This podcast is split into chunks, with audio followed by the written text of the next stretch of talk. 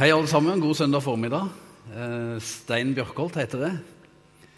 Menighetsrådgiver i Misjonskirken Norge. Bor til daglig i Kristiansand. Gift med Marianne, pappa til Johannes og Julie. Eh, og så har jeg vært eh, pastor i Misjonskirken Norge i en god del år. Og begynte som menighetsrådgiver nå i høst, i slutten av august. Det å være menighetsrådgiver er å være skal jeg kalle det, storfellesskapets ressurs, rådgiver, inn mot de lokale menighetene rundt forbi i landet vårt. Vi er tre stykker som er ansatt i Misjonskirken Norge. Kjell Birkeland, Anne Margrethe Mant Anfinsen og meg. Og som da holder kontakt med de ca. 90 menighetene som fins i Misjonskirken totalt sett. Mitt hovedansvarsområde er da fra Kristiansand i sør, eller jeg pleier å si fra Varoddbrua og vestover. Og det er sånn i Kristiansand vi har flere menigheter, og noen av dem holder til i Randesund, som er øst for Varobrua. Der har jeg vært pastor i til sammen tolv år, både i Randesund misjonskirke og Ytre Randesund misjonskirke, som var en menighet vi planta, eller starta opp for noen få år siden. Og da har vi rigga det sånn at jeg slipper å ha oppfølging av de kirkene som jeg har rota for mye rundt i sjøl. Og så har jeg tatt ansvar nå fra Varoddbrua vestover. Det er resten av menighetene i Kristiansand, pluss da Vest-Agder, Rogaland, Hordaland og opp til Ålesund. Så det er jo et litt stykke å reise innimellom. Men hyggelig å få lov å komme til Haugesund. Det er faktisk, tror jeg, første gangen jeg taler i Haugesund misjonskirke. Så, så, det er jo kjekt. Og så har jeg jo blitt invitert hit av Fredrik da, til å tale om i denne prekeserien For alt det er verdt. Og han sier at i dag skal det handle om penger. Og, og jeg, vet ikke om det er fordi at han, han, vil helst slippe å utfordre på, på dette her sjøl, og så gir han da liksom litt sånn fillejobben til noen av oss andre. Jeg vet ikke, men, men det var nå noe av tanken. da. Her ligger en sånn lapp her ikke vel, med der du kan fylle ut og bli med og gi og forskjellig, forskjellig sånt. Og det er greit, jeg skal prøve å si noe om penger, Fredrik, men det viktigste er jo om vi kan få sagt noe om Jesus, da. Og som samler oss, og som er den vi tror på. Vi skal straks lese en tekst, men det var noe jeg la merke til her som jeg synes er veldig, veldig fint. Og det var at det var mange unger med på plattformer og sang og med instrumenter og mange unger rundt i lokalet og slike ting. Og det, det lar jeg meg begeistre over. Vi var samla med menighetsrådgiverne og det som vi kaller nasjonal avdeling. Sammen med noen av medarbeiderne fra Misjonskirken Ung. Så var vi sammen i Stavanger i forrige uke og jobba litt med ulike ting. Og da var ett tema som, som kom opp. Det var, og det var Linda Andernak Johansen, som jobber i Misjonskirken Ung, som adresserte det. Hun, hun, hadde lest om en rapport om Det var menigheter i USA, da, men som, som var i vekst. Og et av kjennetegnene til de menighetene det har da gitt tittelen til ei bok som heter noe sånt som 'Growing Young'. Det var et kjennetegn ved, ved kirker som vokste, at de, de på en måte vokste seg yngre. Altså litt sånn nærmest som snittalderen gikk ned. Og det var jo ikke fordi at de kvitta seg med de eldre. Nei, men de evna å få eh, tak på yngre generasjoner og på, på, barn og ungdom. Og så tenkte jeg det var et uh, veldig, uh, en veldig fin ting å se når jeg kom hit til Haugesund misjonskirke. At you are growing young. og det å våge å satse på barna og ungdommene sånn, uten at, at, vi andre da skal pensjonere oss av den grunn. Men, men, å slippe de unge til, en veldig god ting, og noe som jeg syns jeg ser skjer her. da, så Det hadde jeg bare lyst til å applaudere. Um, Og Fredrik han lot seg jo rive med i låtsangen her, selv om merket det når vi kom til det ene instrumentalpartiet i den ene sangen der, så dro han av gårde på eh, en egen solo. Det var veldig fint, Fredrik. Du har en god stemme, så bare fortsett med å, å synge. Ok, vi skal lese en tekst fra Lukasevangeliet, og det skal være da utgangspunkt for, eh, for min tale. Eller skal ta dere med gjennom den teksten. Lukas eh, kapittel 19. En relativt kjent bibelhistorie. Og Fra verset 1 til 10 så står det sånn Han kom inn i Jeriko og dro gjennom byen. Der var det en mann som het Sakkeus. Han var overtoller og svært rik. Han ville gjerne se hvem Jesus var, men han kunne ikke komme til for folkemengden for han var liten av vekst. Da løp han i forveien og klatret opp i et morbærtre for å få se ham på et sted hvor han måtte komme forbi. Og da Jesus kom dit, så han opp og sa til ham, Sakkeus, skynd deg å komme ned, for i dag må jeg ta inn hos deg. Han skyndte seg da ned og tok imot ham med glede. Men alle som så det, murret og sa, Han har tatt inn hos en syndig mann. Men Sakkeus sto fram og sa til Herren, Herre, halvparten av alt jeg eier, gir jeg til de fattige, og har jeg presset penger av noen, skal de få firedobbelt igjen. Da sa Jesus til ham, I dag er frelse kommet til dette huset, for også han er en Abrahams sønn. For menneskesønnen er kommet for å lete etter de bortkomne og berge dem. Og Herre, vi takker deg for ditt ord.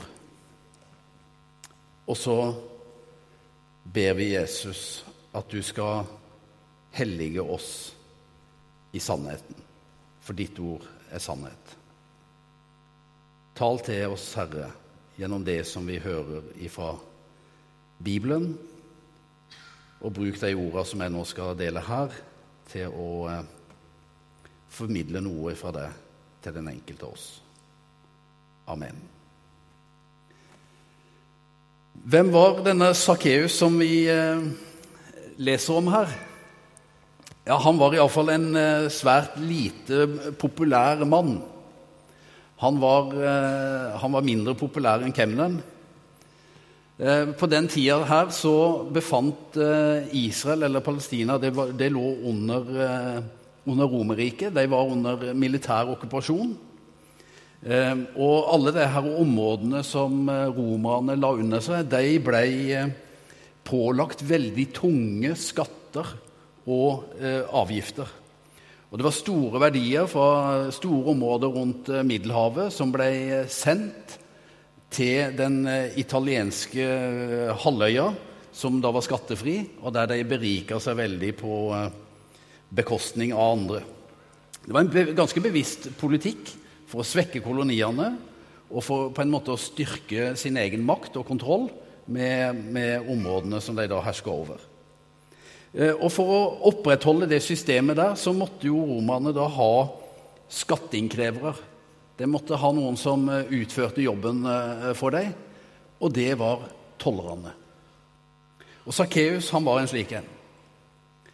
Og han jobba jo da på mange måter for okkupasjonsmakten. Altså, han eh, Han var nok like dårlig ansett som eh, de som samarbeida med nazistene her under andre verdenskrig.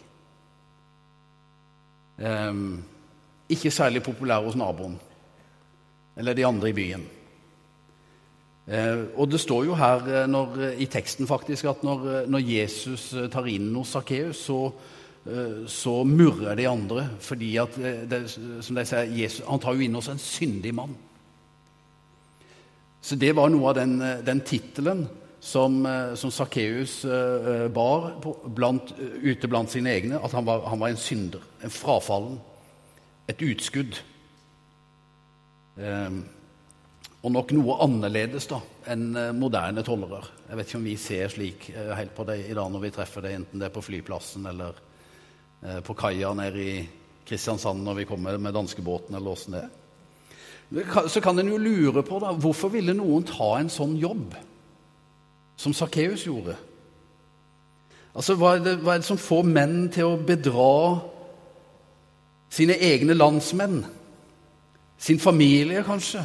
Sine venner? Sitt hjemland? Leve som en paria i, i, i sitt eget samfunn? Og Det ganske enkle svaret på det spørsmålet, det er penger. Eller kanskje rettere sagt alt det vi tror at vi kan skaffe oss med penger.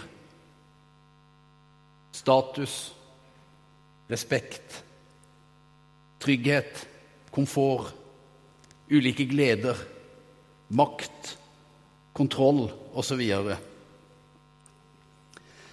Altså, Sakkeus hadde jo fått et helt sånn uimotståelig tilbud fra romerne. For med, med, støtte fra romerske soldater så hadde han anledning til å kreve inn mye mer fra sine landsmenn enn det han var forplikta på å gi videre til, eller sende videre til den italienske halvøya. Eh, vi snakker med andre ord om en sånn, nærmest en slags offentlig godkjent eh, utpressing. Det var ekstremt lukrativt. Og der tollerne ble ansett eller sett på som de mest velstående i samfunnet. Og samtidig, da, de mest forhatte. Um, Sakkeus var i tillegg overtoller, står det. Altså, Det var tollere, men så var det i tillegg overtollere. Det var han.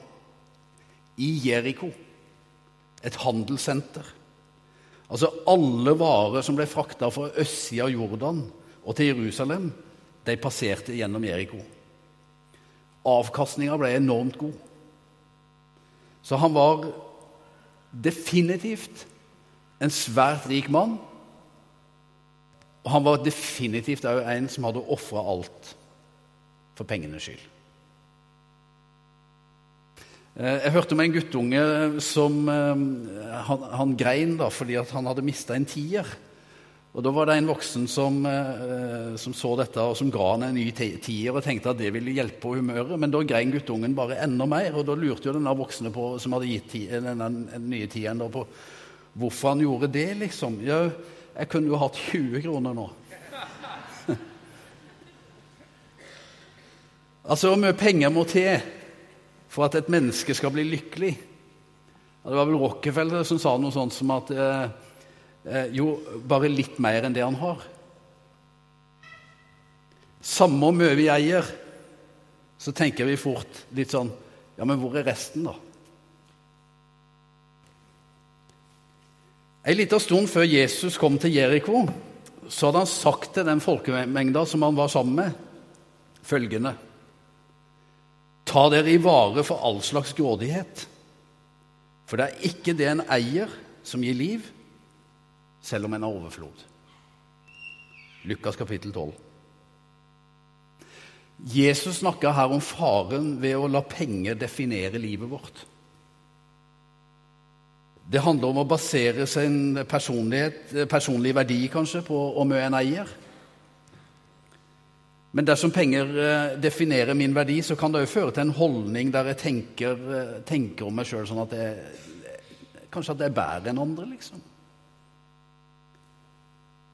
Ja, men ser vi litt ned på tiggeren som sitter på gata? Altså, Det er ikke helt uvanlig, iallfall, at en kan tenke en er litt bedre fordi en sitter litt bedre i det sjøl, da. Når pengene definerer livet vårt, så tenker vi kanskje at de, eh, det er de som garanterer oss et lykkelig og godt liv. Ehm, de skal sikre oss. Jesus snakker om faren med dette å la penger definere livet vårt. Altså ta dere i vare for all slags grådighet. For det er ikke det en eier som gir liv, selv om en har overflod. Jeg har lurt litt på Den dagen når Jesus kom til Jeriko, der, så har jeg lurt litt på, hva var det som fikk Sarkeus til å klatre opp i det treet? Altså, Var det, var det dette at han var, at han var liten rent fysisk? Altså, Klatra han opp i det treet bare av ren nysgjerrighet? For å se hvem denne mye omtalte Jesus var? Han har sikkert hørt rykter om han. Eller kan det ha vært noe annet? Det står ikke sånn direkte i teksten. Men, eh, men kjente han seg generelt liten, har jeg tenkt på. At han ikke bare var liten av vekst, men at folk faktisk så ned på ham. Enten det var hans egne landsmenn som så på ham som en forræder, eller det var romerne som, som, så ned på ham fordi at han ja, nettopp var den typen som var villig til å forråde sine egne.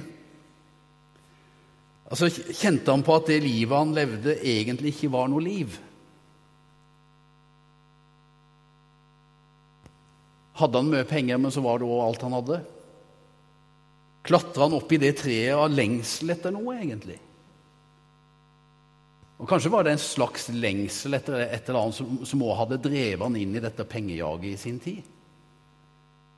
Men var det noe der som fortsatt ikke hadde blitt stilla eller blitt møtt på en måte? Var det noe pengene ikke hadde gitt han? Og hva kan det i så fall ha vært? Det kommer Jesus gående, da, og Når han kommer inn i Jeriko, så møter han en mengde mennesker. Antagelig eh, en mengde som i hovedsak er respektable, religiøse mennesker. Men i stedet for å henvende seg til noen av dem, så ser Jesus da opp i dette treet der Sakkeus sitter. Og Så peker han ut på en måte den, den verste synderen av alle, altså den som, den som alle der egentlig bare hater. Og så ser han på han, og så sier han at Sakkeus, i dag vil jeg ta inn i ditt hus. Så sier han at han vil ete hjemme hos han. Um, og det er ganske radikalt, egentlig. Uh, du gjør ikke det med en synder som god jøde.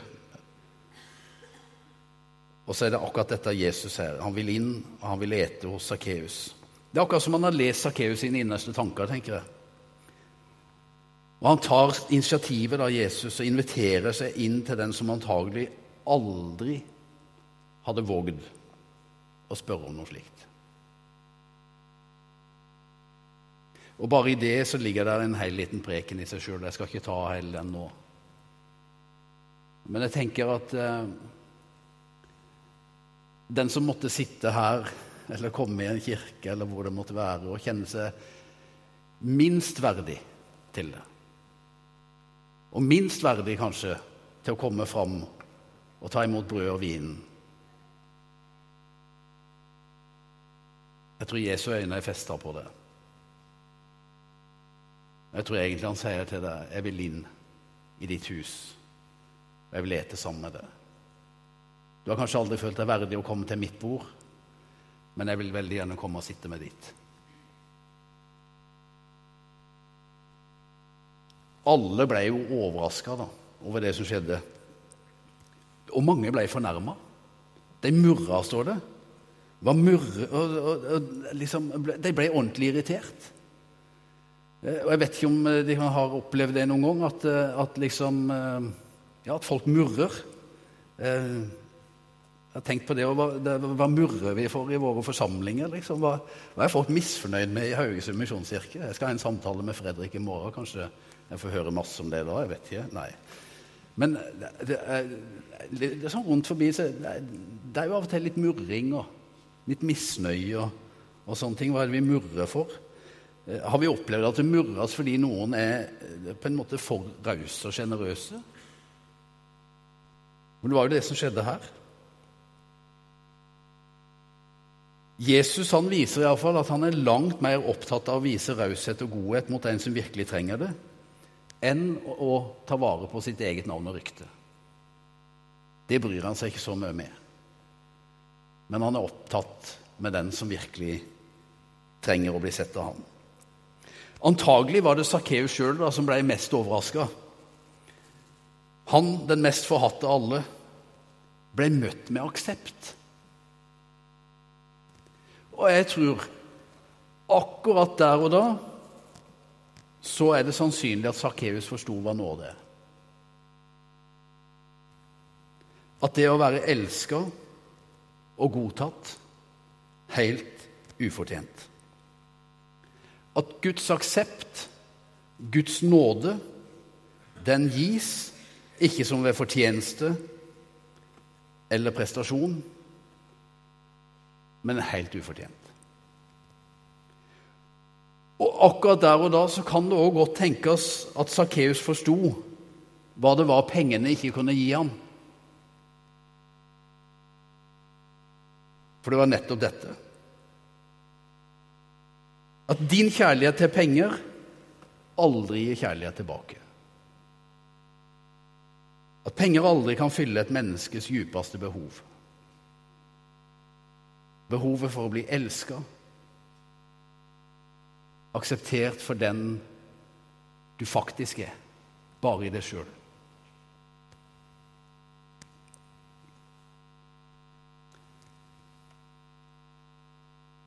Han vendte seg om i glede, står det om Sakkeus.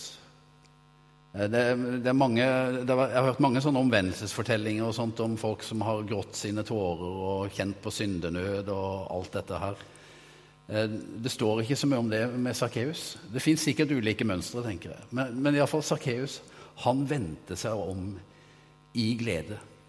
Altså Her møtte han noe som alle pengene, all rikdommen han hadde grabba til seg, ikke hadde vært i nærheten av å gi ham.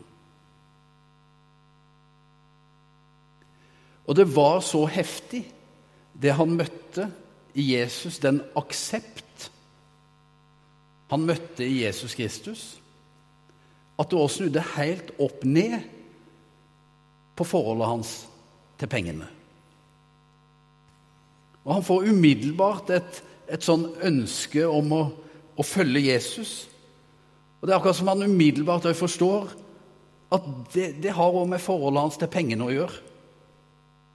Så han, han hopper liksom altså Idet han omvender seg i glede her, da, så hopper han rett over til dette å gi Jesus to løfter.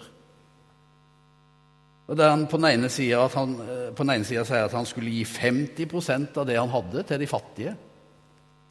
Og det var langt mer enn de 10% som eh, på en måte sto eh, beskrevet i Det, i det gamle testamentet, i Moseloven. Eh, men 50% det ville han gi. Hjertet hans var berørt. Og så La meg stoppe litt opp der, da, for det, det, er veldig ofte når vi kommer til dette med givertjeneste og sånne ting i menighetene våre, så, så lurer folk på det. Ja, må jeg gi tiende, eller åssen er det med de tinga der? Um, nei, jeg tenker at du, du må ikke det. Det er ikke noe du må. Det, og Sakkeus spurte heller aldri Jesus om det. Altså, hvor mye må jeg, nå gi? Det, han sa det på en helt annen måte. Hvor mye kan jeg gi? sa han. Det er en litt annen tilnærming, det. Nesten som å spørre hvor mye får jeg lov til, liksom. Eller Ja. Um, to retoriske spørsmål som kanskje, kanskje, kan eksemplifisere noe av det jeg tenker om, om det å gi tiende. da. Eh,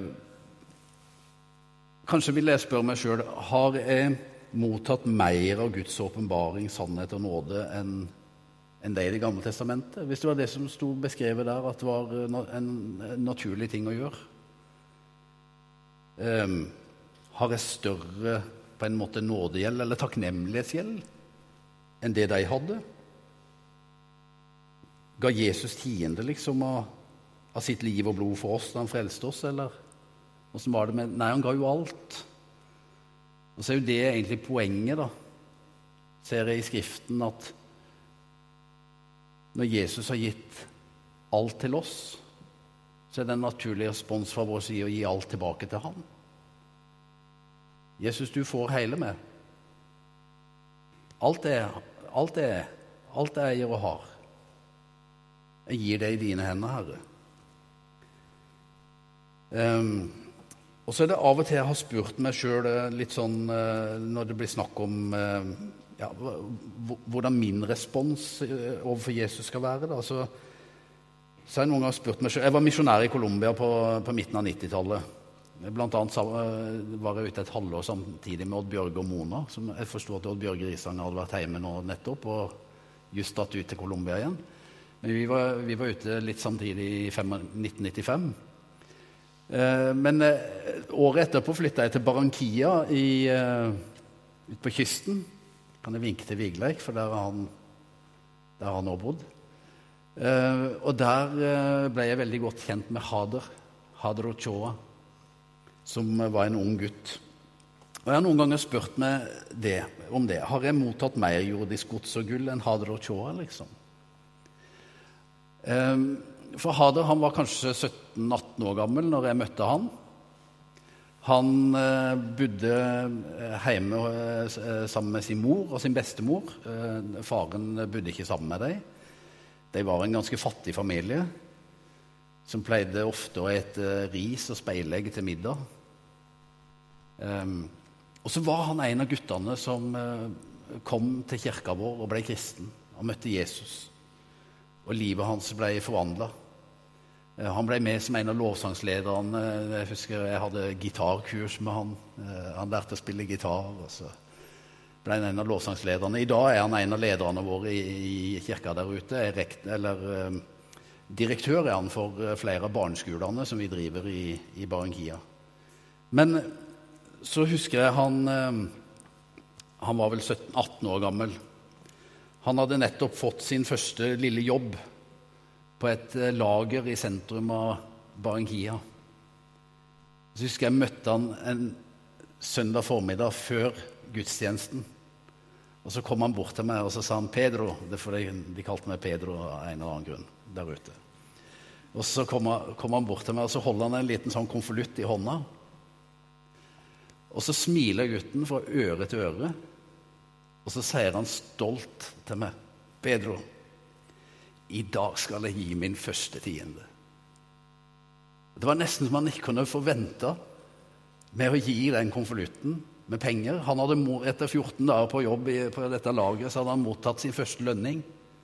Og nå kom han til kirka for å gi noe tilbake i takknemlighet for alt det Jesus hadde gjort og betydde for han. Og så har jeg noen ganger tenkt har jeg mottatt mindre enn han? Nei, jeg har jo ikke det. Jeg har ganske gode anledninger, tenker jeg, til å være med og gi tilbake. Det andre løftet Sakkeus gir, det handler om å, ikke så mye om veldedighet, og barmhjertighet, men om rettferdighet. Han hadde jo tjent mye penger på å utpresse andre. Og da krevde Moseloven at hvis du hadde stjålet noe for andre, så skulle du gi tilbake med renter. Eh, og Sakkeus ville gjøre mye mer enn det som var krevd. Eh, han, eh, han, ga fire ganger summen, dvs. Si 300% i renter. Da. Så han var veldig opptatt av å få gjort opp for seg. Men som en respons da på, på denne, denne, reaksjonen som kommer fra Serkeus, og det det som er litt interessant å legge merke til, som en respons på det så sier Jesus i dag har frelse kommet til dette hus. Og så kan vi spørre, da Blei Sakkeus rettferdig for, for, Gud fordi han ga? Nei. Altså, Jesus sa ikke 'dersom du lever slik, da skal frelse komme til dette hus'. Nei, han sa 'den har kommet'. Altså, Guds frelse kommer ikke som svar på et forandra liv, men et forandra liv kommer som svar på frelsen. Og Det er viktig med rekkefølge her, folkens. Det å gi det endrer ikke i seg sjøl vår relasjon til Gud. Om jeg gir alt jeg eier til brød for de fattige, men ikke av kjærlighet, da har jeg ingenting vunnet, sier Paulus i 1. Korinterbrev 13. Men en forandra relasjon til Gud, den vil endre vår måte å gi på. Dersom frelsen hadde vært noe som en gjør seg fortjent til gjennom lydighet mot loven, da ville Sakkeus ha sagt 'Hvor mye må jeg gi?' Men han spør altså hvor mye kan jeg gi? Og det er et gjensvar på en raus og sjenerøs nåde som han har møtt. Jesus hadde på en måte erstatta pengene for Sakkeus. Nå var Jesus frelseren, redningsmannen. Det var ikke pengene som lenger var det. Nå ble pengene kun et verktøy til å kunne gjøre godt til å tjene andre mennesker. Altså Penger ble det penger egentlig bare skulle være. Nå som han hadde sin identitet og sikkerhet i Kristus, så opplevde han jo det at jeg har mye mer penger enn jeg behøver. Alt var flytta. Tryggheten var en helt annen plass. Guds nåde hadde forvandla hans holdninger til penger og rikdom. Og På mange måter så kan vi si at Jesus hadde frelst ham fra grådighet til raushet. Og jeg tror det. Grådigheten den gjør oss blind. Rausheten gjør oss ene. For det som skjedde her da, det er at Sakkeus, når han får et møte med Jesus og Hans nåde, så er det ikke bare Jesus han får se, og Jesus han får øye på. Men plutselig så ser han jo alle de andre òg. Han ser alle han har gjort urett mot. Han ser de fattige. Han ser de andre som har behov. Nå handler det ikke lenger bare om han og han sitt, og grabbe til seg mest mulig. Men han ser sin neste og den andre rundt seg. Ordet 'frelst' det betyr bl.a. å bli heil. Og Jeg trodde det skjedde noe helt og noe helt altomfattende ved Sakkeus når han møtte Jesus. Det fikk konsekvenser for ham personlig, ja, men det fikk også konsekvenser for heimen hans. Frelsen hadde sosiale og økonomiske dimensjoner. Hele livet ble påvirka, alle områder. Og Så kan en kanskje stille et spørsmål da. Går det an å snakke om personlig frelse uten at det òg berører andre mennesker? Altså Er det noe Jesus gjør med øynene våre når vi møter han og når vi får se han? Gir han oss et annet syn på verden, og da ikke minst på menneskene rundt oss? Og Det kan være en, en liten refleksjon vi kan gjøre alle sammen, egentlig. Ser jeg andre menneskers behov? Eller er jeg mest opptatt med å dekke mine egne? Jeg tror det er noe av det mest radikale som skjer med oss i møte med Jesus. At han lar oss se mennesker rundt oss som personer, kanskje med samme behov, eventuelt også andre behov enn det vi sjøl har.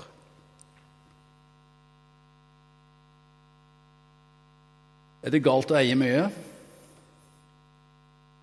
Nei, jeg tror ikke det nødvendigvis. Burde alle kristne egentlig være fattige? Slik at vi kun hadde Gud å stole på? Mm. Jeg tror vi gjerne kan eie penger, bare at de ikke må eie oss. Det er jo greit å bruke penger,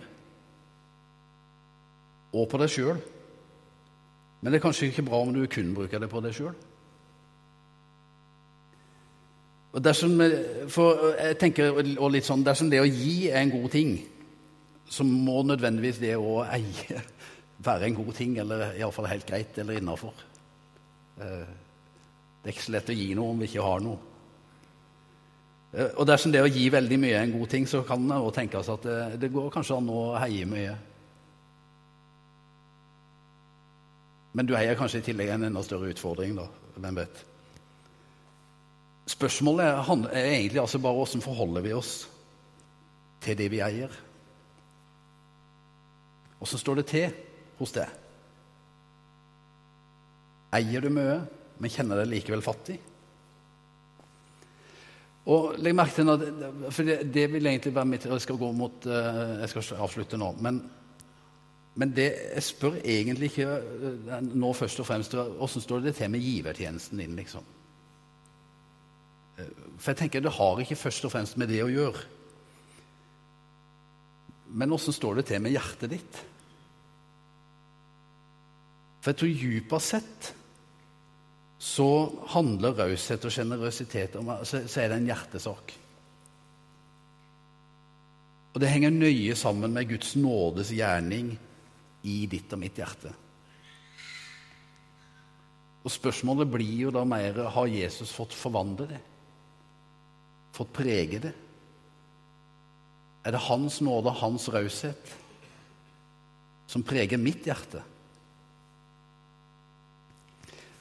Og når det da fortelles at kirkegjengere i Den norske kirke og det Nå bruker jeg Den norske kirke som eksempel, her, fordi det, det, er der vi har de beste statistikkene. for Det er ikke sikkert at det er noe bedre i våre sammenhenger. for å si det sånn. Men når det fortelles da at eh, kirkegjengere i Den norske kirke gir noen få tiekroner hver gang de er i kirka eller på gudstjeneste, så tror jeg det forteller mer om folks hjerter enn de sin økonomi.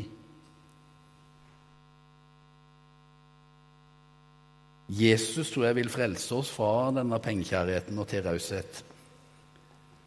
Og da tror jeg utfordringa først og fremst ligger her i at han må få berøre våre hjerter. Han må kanskje få slippe inn i mitt hus. Jeg må kanskje invitere han til mitt bord. Alt som skjedde rundt Sakkeus, at folk ble frelst altså Det står hele hans hus ble jo frelst. Så folk ble frelst rundt Sakkeus etterpå at han hadde møtt Jesus. Og fattige fikk hjelp. Alt det, det var resultatet av at Sakkeus slapp Jesus inn. Og det tenker jeg også at Hvis de vil ha ei kirke, en menighet i Haugesund, Haugesund misjonskirke, som ser at mennesker blir frelst, og de fattige blir hjulpet, så ligger utfordringa først og fremst der at Jesus må få slippe inn. Og så tror jeg lommeboka åpnes deretter. Ja. Jeg er litt opptatt av rekkefølgen her. La meg avslutte med å si da, at å komme til gudstjeneste det er kanskje ikke noe annet enn å Det kan sammenlignes litt med å sitte i et morbærtre. En plass der du kan være tilskuer til at Jesus går forbi.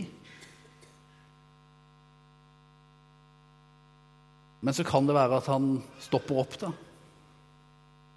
Og at han kanskje peker på akkurat det i dag. Og sier 'Jeg vil ta inn i ditt hus'. Vil du da åpne opp og ta, ta imot ham? Vil da utfordringen ligge der? Herre, takk for at du er her, for det har du lovt i ditt ord.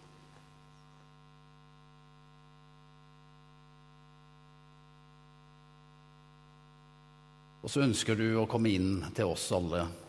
Og eh, jeg ber nå Jesus om nåde for den enkelte av oss til å åpne døra og si 'Kom inn, Herre'. Kom inn i mitt hus. Kom inn i mitt liv. Møt meg med din nåde og din raushet. Og la den igjen få lov å prege meg. Amen.